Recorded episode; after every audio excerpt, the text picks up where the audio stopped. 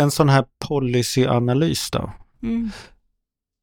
Den känns ju som ett rätt nyktert verktyg för många att kunna använda liksom för att skärskåda lite vad vi sitter och surrar om och vad vi Mm. försöker göra. Att man, Den borde man ju kunna använda lite som lathund på sig själv när man har lagt fram en idé. Att man tittar på både vad man formulerar och inte formulerar. Ja, vad är lösningen? Vad är då problemet? Ja, men visst, Ja. du, kan, Ja, just det. du kan ta med dig denna polyaanalys i din vardag. Det här kan bli jobbig tid framöver när man ska hålla på och skärskåda sig själv med, med Ja. riktiga verktyg och Ja, inte bara lite ja, så här med magkänsla. Ja,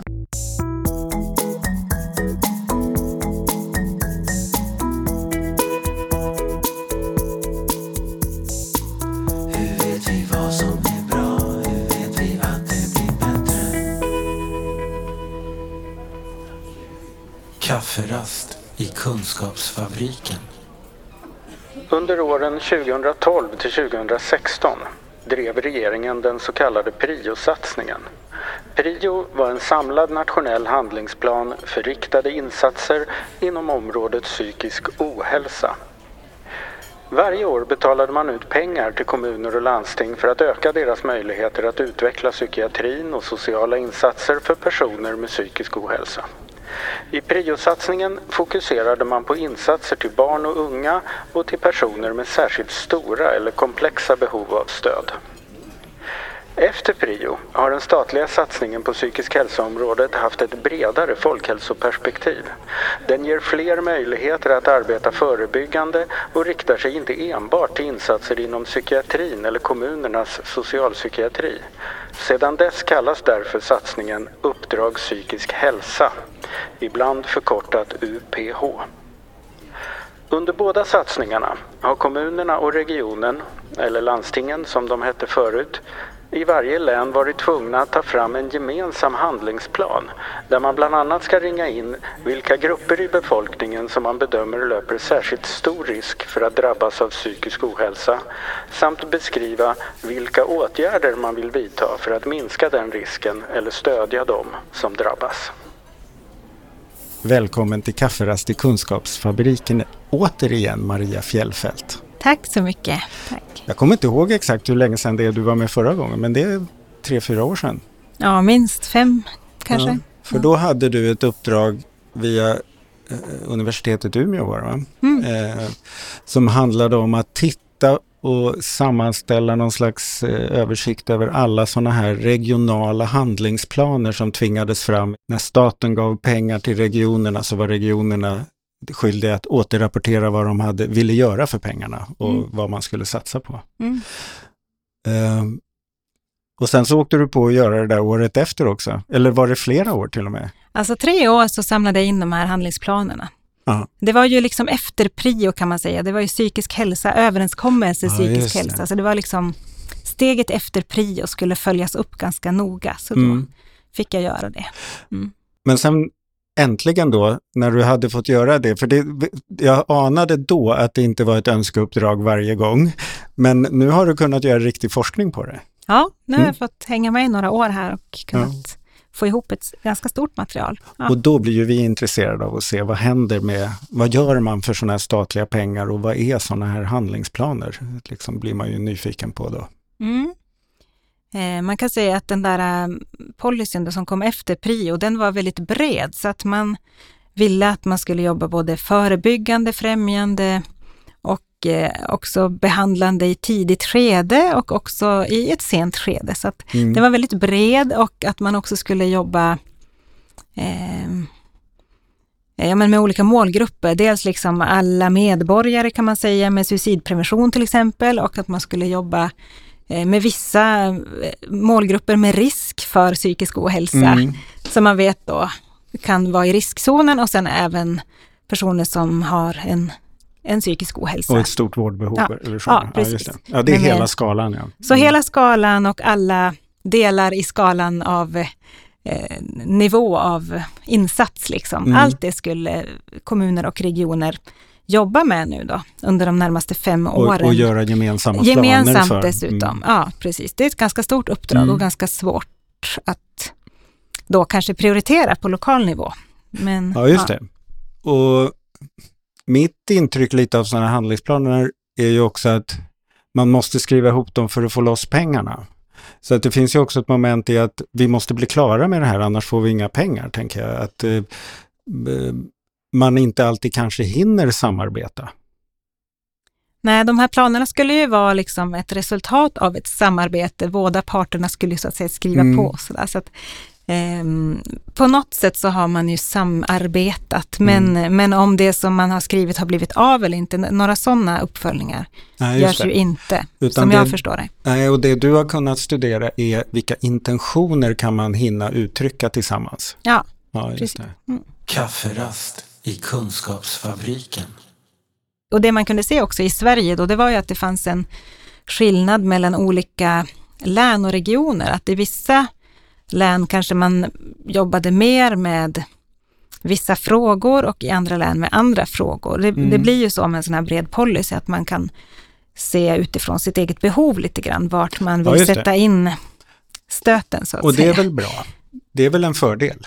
Det är en fördel kan man säga för att man kan eh, göra en egen behovsanalys. Mm. Samtidigt blir det stor skillnad i landet då, ifall man i en region tänker att här jobbar vi bra med det här, det här fortsätter vi med. Eh, här Ja, har vi ett just det. stort behov, men då tappar vissa andra målgrupper som kanske en annan, ett annat län har då Mm. ringat in och vill jobba med. Till exempel spelmissbruk var ju något sånt som kunde komma upp i något, någon region men inte i andra. Ja, och sådär. det. Att, att man, det blir liksom, och så är det ju. Så blir det ju när man Mm. har en sån här bred policy. Just det. Och det kom upp i någon region, även om man kan ana att spelmissbruk är förmodligen ett möjligt, en möjlig utmaning i alla regioner. Ja, det kan man ju Mm. tänka sig. Mm. Man kan ju också tänka sig att det var ett stort eh, behov i just den regionen. Ja, det kan ju det. inte vi Nej. veta något om. Nej. Men, eh, det, ja, men sen fanns det ju många insatser som förekom i många ja, handlingsplaner. Men suicidprevention till exempel var ju just så. det. Ja. Ja, det var nog mitt intryck också, för jag läste ju många av de där handlingsplanerna då, att det var mycket man kände igen när man läste flera. Mm. Så.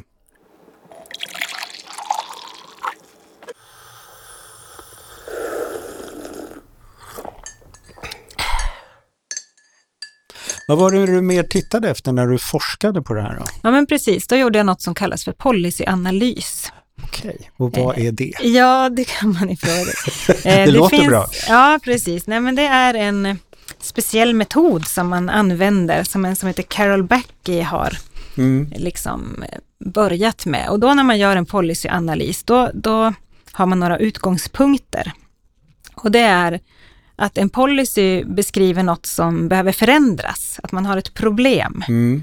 Vi har ett problem, psykisk ohälsa. Policyn rör det området liksom. Men också att det som föreslås i den här policyn, att det beskriver vad som behöver göras utifrån policymakarnas perspektiv då. Ja, Beslutsfattarnas perspektiv. Mm. Det är de som har formulerat den här policyn. just det, de har formulerat både problemet och idén om lösning eller åtgärder. Ja, precis. Och genom att titta på lösningarna då som vi ser i policyn utifrån den här policyanalys-idén, Mm. Så kan vi också förstå problemformuleringen, vad det är som är problemet. Vi går bakvägen, liksom. Ja, vi tittar på lösningen för att komma åt För att se finns. vad det är de har sett eh, Ja. som behöver åtgärdas. Ja. Precis, så det är det som den här policyanalysen går ut på. Då. Mhm. Vad kan man upptäcka då? då? Ja, då ställer man sig sex frågor, Mm. kan man, eller det ska man då göra om man följer den här Ja, just det. policyanalysen då. Eh, och då, som vi har varit inne på, vad är problemet som presenteras? Det man kunde se då, det är ju att man föreslog i den här policyn, den här breda policyn, det är mycket som behöver göras. Vi ska jobba förebyggande, vi ska jobba eh, tidigt, vi ska jobba när saker har hänt och för de här olika målgrupperna, alla och i risk för och eh, när det redan har hänt. Du hör ju, det är mycket problem. Alltså problemet är stort och eh, mångfacetterat. Ja, just det. kunna säga. Perspektiven är många på ett stort problem dessutom. Ja, Ja, just det. absolut. Så det är mycket som behöver göras. Mm. Eh, Och då är ju fråga nummer två då, alltså vilka föreställningar eller antaganden ligger till grund för det här problemet? Mm. Eh, Och då är ju ett antagande då att om vi behandlar psykisk ohälsa och främjar psykisk hälsa, som man ska göra i den här policyn, hos individer, det här var ju mycket individfokuserat Mm. liksom, så kommer vi att kunna hantera den psykiska ohälsan som finns i samhället och se till att den minskar på sikt. Eh, Mm. Det är ju själva antagandet, att om vi liksom behandlar, om vi tidigt sätter in insatser så att inget händer, om vi vid tidiga Ja, eh, tecken gör någonting och om vi vid stora komplexa situationer gör Är mer, skickliga. mer Ja, är skickliga ja, just det. när det handlar om individer, då Ja. kan vi liksom, det är så vi ska lösa det, eller det är så vi ska se den här frågan eh, ur ett individperspektiv. Just det. Man, man beskriver ofta psykisk ohälsa som ett samhälleligt problem och fenomen. det. och som vi åtgärdar via att jobba mot individer. Ja, det blev ju så i Ja, den här det, policyn då, att man löser det här problemet genom Eller det att... blev så i er analys av de här. Ja, men också om vi tittar då på alla de här sakerna som skulle hända då. Det Mm. var ju att man skulle jobba med suicidprevention. Då är det ju individer som ska Mm. förändras. Ja. Det är Det är ehm, ja, men spelmissbruk. Vi ska jobba med personer som har spelmissbruk. Vi ska jobba med personer som har, eh, som har kommit till Sverige och eh, ja, men, har en... Har, har flyktingtrauman med Ja, sig. precis. just De det. individerna ska vi Ja. jobba med. Ja, vi kommer Just- komma till nästa steg Ja, sen om du vill. Men, Inte, jag, ska, jag ska stilla mig. ja, vi kommer komma vidare snart. Ja. Men, ja, men det är liksom Mm. individ, en individ. Fokuserad Alltså, lösningen åtgärd. ligger Mm. hos individer här, som, Just som man kan se i de här planerna då. Mm. De regionala planerna. Och då kan man ju undra så här, fråga tre, hur har den här förståelsen av problemet kommit till, är det man undrar då. Och då kan man ju Mm. tänka sig i det här fallet då, att det här, den här nationella policyn, liksom, där man kanske har ett samhällsperspektiv, har ju landat i regionala kontexter. Mm. Där man tidigare har jobbat med det som du beskrev, prio. Alltså Ja, insatser för personer med psykisk komplex problematik och barn och unga har man ju haft där som, som, Som fokus. mer nischat fokus. Ja. Mm. Mm. Och då när den här policyn kom då som har en mycket bredare ansats, då landade den på, i många kommuner och regioner hos samma personer som jobbade med prio. Ja, just alltså man det. tänkte Mm. det här är prio två, eller liksom Mm. det här är nya prio eller sådär. Just det, så även om liksom anslaget från statens sida var bredare och mer samhälleligt och demografiskt, så Mm. hamnar den mycket motsvarande i psykiatrin och Mm. socialtjänsten. Ja. Mm. Precis. Det, det fanns ju också folkhälsovetare och sådär som Mm. jobbade med det här vet jag, liksom i flera olika regioner som jag har fått träffa och prata med. Men, men, men ändå att det hamnade på något sätt i psykiatri och Ja. socialtjänst. Precis. Som du beskriver. Eh, Så det kan man ju tänka sig är en förståelse till hur det har blivit en individfokusering. För det var ju, man jobbar ju med individer i Ja, de just det. eh, det var redan verksamheterna. en individfokusering och sen så tog man med sig det, den principen i, Ja. i nästa skede av de här satsningarna. Precis, Mm. man kan se det så utifrån det som hände liksom, Mm. i, i regioner. För det fanns ju ingen riktig mottagare av det här. Nej, just det, utan då tog man de som har fått bidrag de senaste åren och började titta strukturer för hur vi jobbar med de pengarna. Ja, kanske. Ja. Ja, Jag vet inte, Mm. men, ja, men det, är, det är en, möjl, en hypotes. Ja, det är en hypotes. Nästa fråga då när man gör den här policyanalysen, det är då vad lämnas oproblematiserat? Och då kommer vi in Aha. på det som du nästan var och Mm. nosade på alldeles nyss, Ja. det är de strukturella eh, frågorna. För då när man tänker att det här, att lösningen sitter i individer, så, så tar man ju helt, eh, då kan man liksom inte tänka på de här mer strukturella frågorna som vi vet har att göra med psykisk hälsa. Ja. Till exempel barnfattigdom.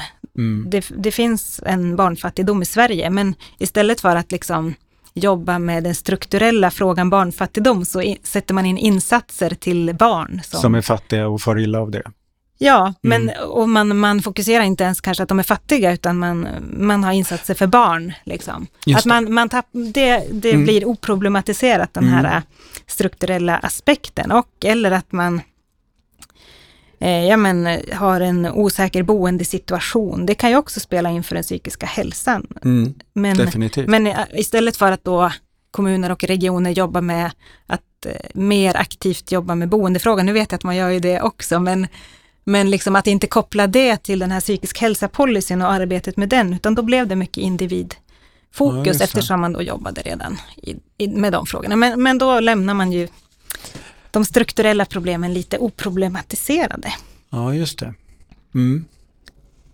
Och då är ju liksom konsekvensen är ju steg fem då. Då kan man fundera på vad blir konsekvensen av det här då? Av att man bara fokuserar på det individuella och inte på det strukturella. Ja, precis, vad skulle du, vad skulle du säga? Nej, men, ehm, eh, eh,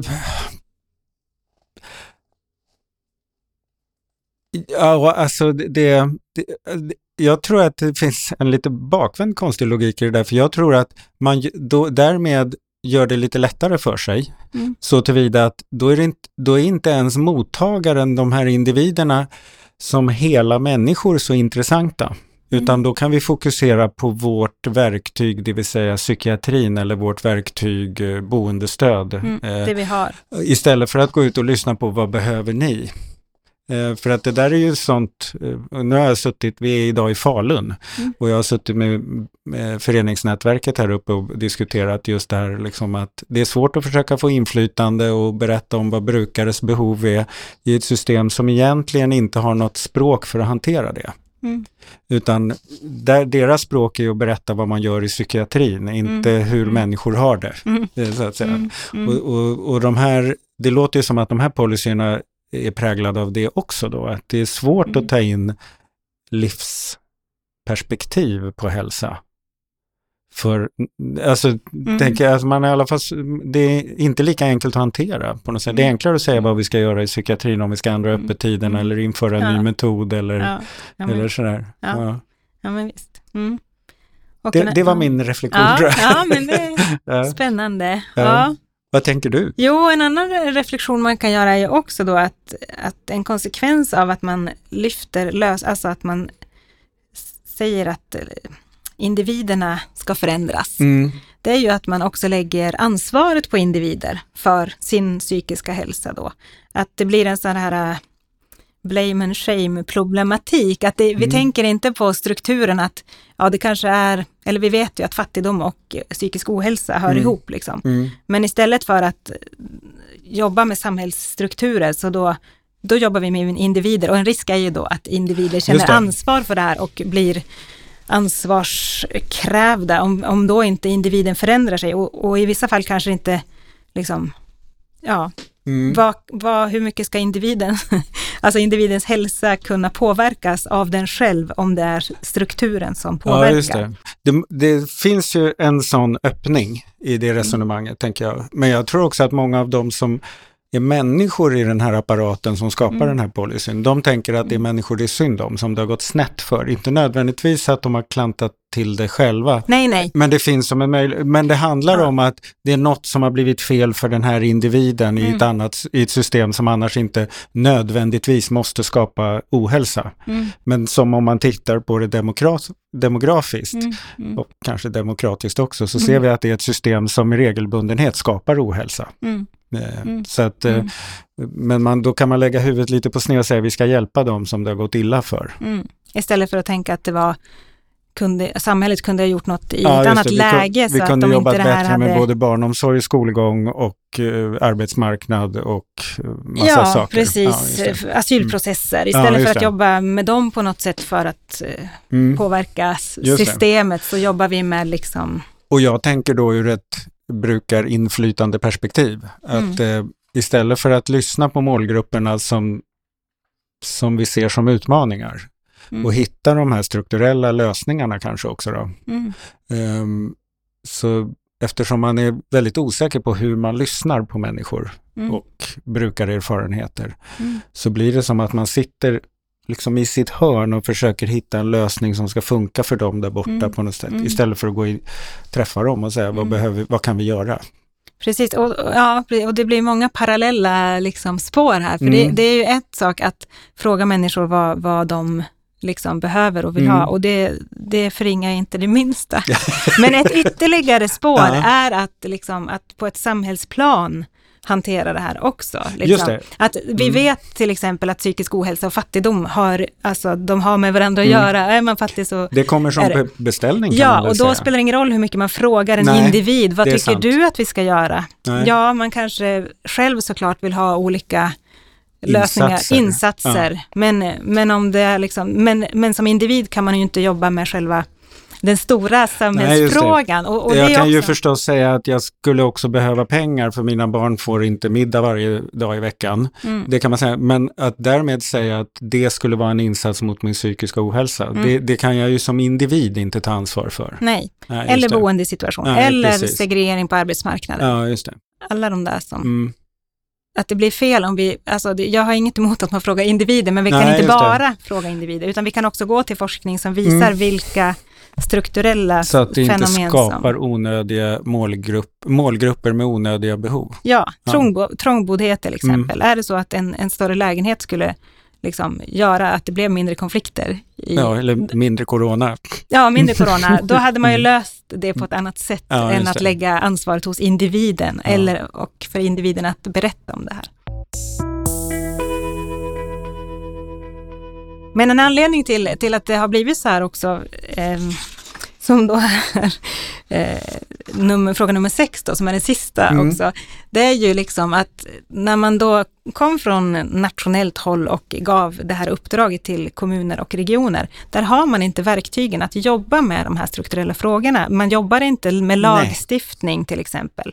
Man kan inte påverka sådana Nej. saker. Så när man liksom lägger ner eller vad heter det, man ger över makten Ja, över Mm.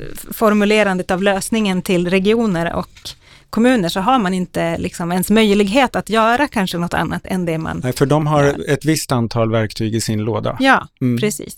Och det omfattar inte att utrota barnfattigdom. Alltid. Nej. Nej. Nej. Just det. Skolgången kan konstigt. de påverka Ja. och ett antal saker som man kanske kan jobba mer strukturellt med, men Ja. långt ifrån alla. Ja. Mm. Precis, så det kan vara också en förklaring till att det... Ja, alltså, det. Att man det kan en förstå där- hur det här kom sig. Det kanske inte Mm. var någons avsikt, utan det, det, det blev så här också lite grann. Man, Men är det möjligen så också att staten faktiskt också tänker att om kommuner och regioner bara får ordning på psykiatrin och socialtjänsten så, så har vi löst det här med psykisk ohälsa? Att man har en övertro på vad, vad de, den nivån kan göra? Eller? Ja, nej, jag skulle faktiskt säga att den här utredningen som kom då i samband med att jag höll på med det här också, Mm. om, om hur, hur ska vi tänka psykisk ohälsa och eh, staten nu då, Mm, eh, som Kerstin Evelius var med just skrev. det. Då var det ju att vi behöver ett långsiktigt perspektiv. Vi behöver liksom ett tioårsperspektiv minst i den här frågan för att vi ska kunna jobba Mm. på andra sätt. Men nu när det är de här ett år i taget, då blir det mycket projekt. Det blir liksom Och kortsiktigt. då blir det att vi skickar ner en slant till er Ja, kommuner och regioner. Ni Ja. får titta i er verktygslåda och säga, Ja. ska vi använda hammaren lite mer i år? Eller skruvmejseln? Ja. Just det. Och när ni har valt vilken av dem ni ska använda så får ni de här pengarna. Ja, just det. Ehm, ja, en sak som jag tänkte på när vi satt och pratade här ehm, och som jag slås av oftare och oftare, eh, att även vi i brukarrörelsen är ju ganska inkörda på den, på, här, på den här logiken. Klart att vi självklart ser också de här demografiska strukturella utmaningarna, men vi är ju också lite hänvisade till att försöka få inflytande kring det som erbjuds. Mm. Och då blir det väldigt mycket att ha samtal med psykiatrin om hur Mm. psykiatrin funkar. Mm. Eh, och det vi då försöker med näbbar och klor på något vis ändå vidga är att psykiatrin ska se lite mer på hela människan mm, och omständigheterna än bara Mm. de psykiatriska insatserna. mm, Men att det är ju ändå ett sätt att erkänna att vi inte riktigt rår på eller har något bra sätt att arbeta med de strukturella. mm. Tror du också det? Eller alltså, för det slår mig nu när vi tänker Mm. att, att, att jag gick in lite enögt. Mm. Vi, kanske lite vidare än vad jag tycker regionernas handlingsplaner är, men fortfarande på deras villkor, Mm. tänker jag. Mm. Och det är ju det som är svårt. Var, hur ska vi påverka som individer de här stora frågorna? Liksom? Ja. Arbetsmarknaden, hur påverkar vi den? Vi är delar i ett stort system. Liksom. Så där, det, men det är väl just den här insikten kanske, eller medvetenheten om vad, vad innebär engagemang på olika plan, olika nivåer. Hur, hur kan vi som brukarrörelse lyfta sådana här frågor, till exempel eh, Ja, ja Mm. inte vet jag, men, men bara att man, vet, alltså att, att man blir medvetandegjord om att, det kan, att man kan förstå det på sånt här sätt. Att, att Ja. det finns strukturer som gör att psykisk ohälsa utvecklas hos individer och om vi kommer åt strukturer så slipper, vi, så slipper alla individer göra en I massa. alla fall många fler individer slipper Ja, en massa saker. ja, men visst. Det kan vi räkna med. Ja, men Ja. Men istället så går man på lösning, alltså man Mm. går på symptomen istället för att kanske jobba med själva. Ja, just det. Jag hade Ingvar. Nilsson med i den här podden för länge sedan. Han nationalekonomen som har räknat på sånt där med sociala investeringsfonder och sånt där. Mm. Han hade någon sån där liknelse att, att vi, vi skruvar aldrig av kranen utan vi hittar bara olika paraplyer som får vattnet att Mm. rinna lite olika vägar. Mm. Eller, liksom, Mm. eller att det inte får lika stor effekt eller sådär. Mm. Men, men egentligen så är det ju ibland så att vi måste ju hitta nyckeln till den där kranen faktiskt. Att det inte Mm. fortsätter och reproducerar sig. Mm. Mm. Det slår mig faktiskt. Tidigare i år så satt jag med i ett samtal med Eh, kommun och region i Jönköping som bollade lite idéer om för att de ville utveckla formerna för, för brukarråd och sådär. Mm. För de tyckte att de hade börjat hitta ett bra system för att ha brukare med i utvärdering av verksamheter och utveckling av nya grejer i verksamheten och sådär. Men Mm. att det saknades någon slags mer långsiktig dialog högre upp i systemet eller vad man ska säga. Och då, då Mm. kom vi just in på att, att inte ha ett psykiatriråd Mm. utan att ha ett råd som handlar mer om det här. Att liksom, hur kan vi diskutera förutsättningarna att leva med eller att slippa leva med? Vad är det som skapar ohälsa i vår region? Mm. Och om det nu har skapat, vad är det för liksom, livsomständigheter på ett bredare Mm. sätt? Är det stadsplanering, samhällsplanering, demografi, Mm. eh, liksom andra policies som behöver? Är det bostadssituationer och sådär? Mm. Nu vet jag inte hur det har kommit, men det var faktiskt en tanke när vi pratade om det som kändes ganska rätt. Mm. För att också Mm. sätta psykisk hälsa-frågan i ett större perspektiv Mm. med en hög grad av delaktighet från själverfarna. Mm. Så att säga. Mm. Jag får ta och ringa dem igen. Och se hur det utvecklar sig.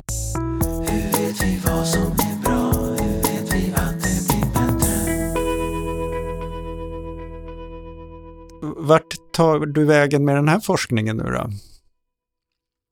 Eh, ja, just nu så, så håller jag på att titta på hur man samverkar när man jobbar med barn och ungas psykiska hälsa. Mm. Så att det är liksom en del, en, en fortsättning på det här spåret handlingsplaner som jag har varit Mm. inne på nu i några år. Men jag, har inte, jag kommer inte göra någon mer liksom, ja, det- ja det, det jag gjorde var väl att skicka in ett medskick till det här Fortes nya Forte är en statlig myndighet som stödjer forskning inom områdena hälsa, arbetsliv och välfärd. Forskningsprogram när man ska prata om, när Ja, man just ska undersöka psykisk ohälsa nu då, de Mm. närmaste, ja, under en tioårsperiod, att, att jag utifrån den här forskningen tycker att vi ska även titta på liksom samhällsnivå, inte bara individnivå, utan Nej. också i de, liksom, de Dyker upp i andra policies. projekt som ska göras. Liksom. Ja. När vi ska tänka psykisk ohälsa i Sverige framöver, ska vi, hur, alltså, såklart att vi ska ha ett individperspektiv, det är individer Ja. som drabbas, men Ja. att vi också ska ha en, ett, en samhällsförståelse i själva frågeställningarna om Men handlar det om att, att vända på det, att när vi diskuterar eh, bostadssituationen eh, i långsiktigt så tar vi in psykisk hälsa-perspektivet? Att, liksom att man vänder på det och får med psykisk hälsa i andra policies egentligen?